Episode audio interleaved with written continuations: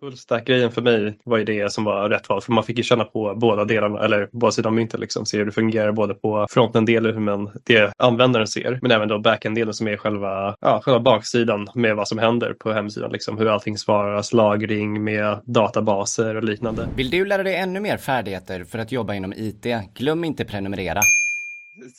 Välkommen hit till det avsnittet av eh, Distansakademin. Idag är vi här med två stycken fantastiskt härliga personer som kommer få presentera sig själva och hur det kommer sig att de började med programmering. Mitt namn är Daniel Franzén och jag är er eh, programledare idag. Jag sitter här tillsammans med Noel och Alex. Varm applåd! Tjena, välkomna hit. Eh, Noel och Alex, ni kan börja berätta lite. Vilka är ni? Noel, du kan börja. Ja, eh, mitt namn är Noel Pärland. Jag är 25 år och eh, jag pluggar fullstack webbutveckling på Nakademin här i Stockholm. Eh, och eh, just nu har vi pluggat ungefär ett och ett halvt år. Eh, och vi kör liksom både framsidan och baksidan i och med att det är fullstack och har jobbat här på praktiken i, det här är nog sista dagen för den tredje veckan och känns bra. Snyggt! Och eh, Alex, vem är du? Yes, jag är Alex. Självklart. Uh, nej, men jag är tillsammans med Noel från akademin och kör min eh, LIA-grej eh, uh, här liksom hos Redcapes och distansakademin. Så det är som Noel sagt tredje veckan för oss. Men det har varit mycket spännande som har hänt och redan nu mycket som vi har lärt oss med webbutveckling och kundhantering och ja, hålla på med programmering i riktiga världen liksom. Så det har varit spännande. Snyggt! Yes, hur kommer det sig att ni började plugga programmering på akademin? Vad fick er att ta det steget? jag kan starta med Eh, från början var jag mer eh, ekonom egentligen. Så jag pluggade ekonomi i och med att jag kommer från en väldigt eh, vad ska man säga, ekonomitung familj. Liksom. Vi har alla pluggat och arbetat lite mer. Liksom. Men jag kände att det, efter att ha pluggat ett tag, några år på universitetet där, kände att det var, det var inte riktigt min grej. Liksom. Så jag klickade inte riktigt med det hela. Sen eh, har jag som sagt alltid varit väldigt IT-intresserad generellt. Som, eh, allt från spel till att bygga datorer och med hårdvara och alltihopa. Så tänkte jag, varför inte göra en karriär av min så här, hobby liksom. Så jag började tänka, om jag ändå har byggt datorer kan jag lika gärna bygga hemsidor också. Så jag tänkte, då kör vi på det. Vad sa din familj när du bytte från ekonomifokus till, eh, till teknik och IT? Vad tyckte du om det? Nej, de var bara glada att jag, jag hittade något som jag verkligen brinner för. Liksom. Så jag har väldigt stark support från min familj. Så det är som tur är. det är snyggt. Det är snyggt, det är skönt. Eh, Noel, hur kom det sig att du började hoppa på just programmering? Eh, jo, men det började så att jag hade jobbat eh, som eh, IT-support eh, och helpdesk liksom, efter eh, min gymnasietid. Och, eh, det var ju kul till en början och liksom, som sagt, eller som Alex sa, har jag också alltid gillat IT ända sedan jag var liten. Jag kände att Alltså mina kompisar och jag spelade mycket spel men det kändes ändå som jag var lite mer alltså systemintresserad när det kom till så här videoredigering, bildredigering, musikproduktion. Det kändes som jag hade, hade lite djupare IT-intresse. Typ. Eh, och efter ungefär 4-5 år med att jobba som IT-support så som jag brukar säga att jag kan bara be människor starta om en dator så många gånger i mitt liv innan jag liksom tröttnar på det.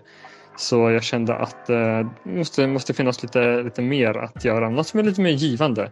Och eh, hade hört att programmering var ganska populärt och eh, jag ska inte ljuga, jag hörde att det var bra lön också, vilket var en, en extra morot liksom. Så jag tänkte, men vi, vi provar på det, får vi se hur det går liksom.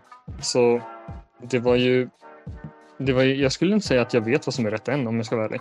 Eh, jag var ju väldigt osäker på vad, eh, vad eller vilken gren inom programmering jag ville gå. Det finns ju allt från liksom webbdesign till backend, databaser och eh, det var lite därför jag valde full stack som mitt första val. Eh, för att jag fick prova på liksom båda sidorna. Jag fick känna på vad som var rätt och eh, min plan var att eh, efter utbildningen antingen hitta en LIA-plats där jag kan praktisera det som jag tyckte var roligast, mest givande. Eller plugga lite mer efter och faktiskt gå in djupare på det jag tyckte var kul. Så jag skulle inte säga att jag vet helt och hållet vad som är rätt än, men jag har verkligen kört en dragning mot design och frontend i alla fall. När vet man det egentligen? Det är en svår fråga. Men Alex, säger du? Har du liksom känt att, det, att du fått ett kvitto på att det här är rätt? Eller hur känns det nu? Liksom, har, du hittat, har du hittat det du vill göra, tror du? Ja, ja och nej. Liksom. Programmering själv är det vill göra. Liksom. Så det är ju första steget rätt. Liksom. Nej men det är ju lite samma sak Liksom. Fullstack-grejen för mig var ju det som var rätt val. För man fick ju känna på båda delarna, eller båda sidor av myntet liksom. Se hur det fungerar både på fronten-delen, hur man, det användaren ser. Men även då backend-delen som är själva, ja, själva baksidan med vad som händer på hemsidan. Liksom, hur allting svaras, lagring med databaser och liknande. Så jag tycker det var väldigt lärorikt oavsett att ha i sådana här kurser för man faktiskt får uppleva båda sidorna. Så man får en väldigt så här, stark så här, insyn och inblick på det hela. Liksom. Vilket jag tycker var väldigt viktigt. Sen känner jag också, även ifall jag skulle bli nu gillar jag väldigt mycket med backend-delen, liksom, med lite mer hårdkodade saker. Alltså faktiskt sitta och knäcka lite kod, så det tycker jag är kul. Men jag tycker ändå det var bra att få se hur det faktiskt fungerar oavsett. Så även ifall jag kör designgrejer eller ifall det bara är struktur på databaser. Så jag tänker så här, även om jag kommer ut på riktiga arbetslivet så kan jag ändå kommunicera med vilken roll jag hamnar på. Så kan jag ändå hålla en konversation med alla delar och få klarspråk med hur allting fungerar. Liksom. Jag tror det är en väldigt viktig del att uh, kunna säga till en arbetsgivare att man förstår båda sidorna även om man vill sitta mer på en frontsida eller en backsida så kan man faktiskt mm, alltså berätta för sitt team att nej, det där kommer inte funka på backsidan utan vi måste jobba lite mer så här. Och jag tror det är en viktig del eh, i företaget att faktiskt kunna, kunna ha den bakgrunden. Absolut. Man blir som Absolut. en brygga. Absolut. Precis, Liksom. det är spindel i nätet också. Ja. Absolut. Det är bra också att det är på båda sidor för, eh, på myntet i och med att du är tidigare ekonom också. Så det passar extra bra. Men om man tittar på, på, på själva utbildningen så här då. Alltså det, det är ganska, många tror att det är ganska svårt och det är väl inte helt enkelt att gå igenom en programmeringsutbildning. Det är ganska krävande. Eh, hur, vad har ni för konkreta liksom, knep för att, för att ta sig igenom de perioderna av en utbildning som det känns tufft och man kanske kör fast? Och vilken typ av motgångar har ni övervunnit? Eh, Alex? Alltså, programmering generellt är väldigt svårt för eh, många, även för mig själv. Liksom. Grejen med programmering tycker jag är att du behöver ett visst tänk när man kör programmering, vilket många inte har i början. Så det kräver att man ofta ställer om sig själv så du kommer in på rätt bana med hur man ska hantera problem. Jag tänker som att programmering är mycket med att hålla en röd tråd genom hela koden. För det är, det är ju relationer som går från en grej till nästa sak. Och även när du programmerar och hittar fel och sånt måste du ändå backa i det här steget. Liksom. Och sen är det också hur man lägger upp saker på ett lite annorlunda än när man tänker så här vardagligt. Så det är så här, i början är det väldigt mycket att få in själva tänket på hur det ska fungera. Liksom.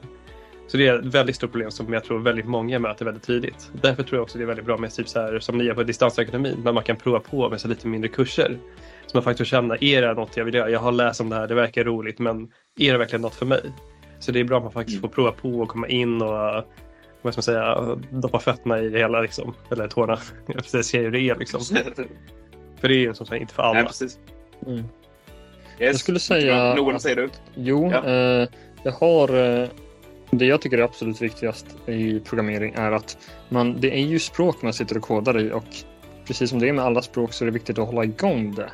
För om, om man har en lektion på måndag, tisdag och sen så har man ingenting förrän nästa måndag, tisdag så måste du sitta, kanske inte varje dag men i alla fall varannan dag och skriva någonting eller kolla på någon video om språket. För typ om du bor i Sverige och säger att du lär dig typ kinesiska eh, Om du inte har någon att prata med då blir det väldigt svårt att liksom hålla igång det och bli bättre. Så det de sa på skolan det var ju att man skulle tänka som ett jobb, ungefär 40 timmars vecka. Eh, och kanske, du kanske behöver köra 40 timmar, eh, men alltså i alla fall håll igång det. Det är jätteviktigt, annars kommer du glömma bort det och sen blir det jättekämpigt som jag faktiskt upplevde ibland för jag tänkte, ah, men shit, det är nice, liksom, jag, jag kan ta det lugnt, liksom. skolan är easy. Men det var det inte, utan man måste hålla igång det. Eh, sen tycker jag det är väldigt viktigt att ha vänner. Man får hitta vänner i klassen som man kan hjälpas åt. Ta del av varandra som Alex och jag snackade om. Han är lite med backend, jag är lite med frontend. Det är skitbra. Vi kan, vi kan liksom förklara för varandra och hjälpas åt. Och eh, det tyckte jag har hjälpt mig mest. Så håll igång det, hitta liksinnade och eh, var dedikerad. Mycket, mycket bra. Mycket bra tips. Och det är också kul att du säger det här med eh, att jämföra med att läsa ett språk som kinesiska. Eftersom att eh, Eh, vi även hört och vi vet även att du håller på att lära dig kinesiska. Så det är väldigt imponerande också.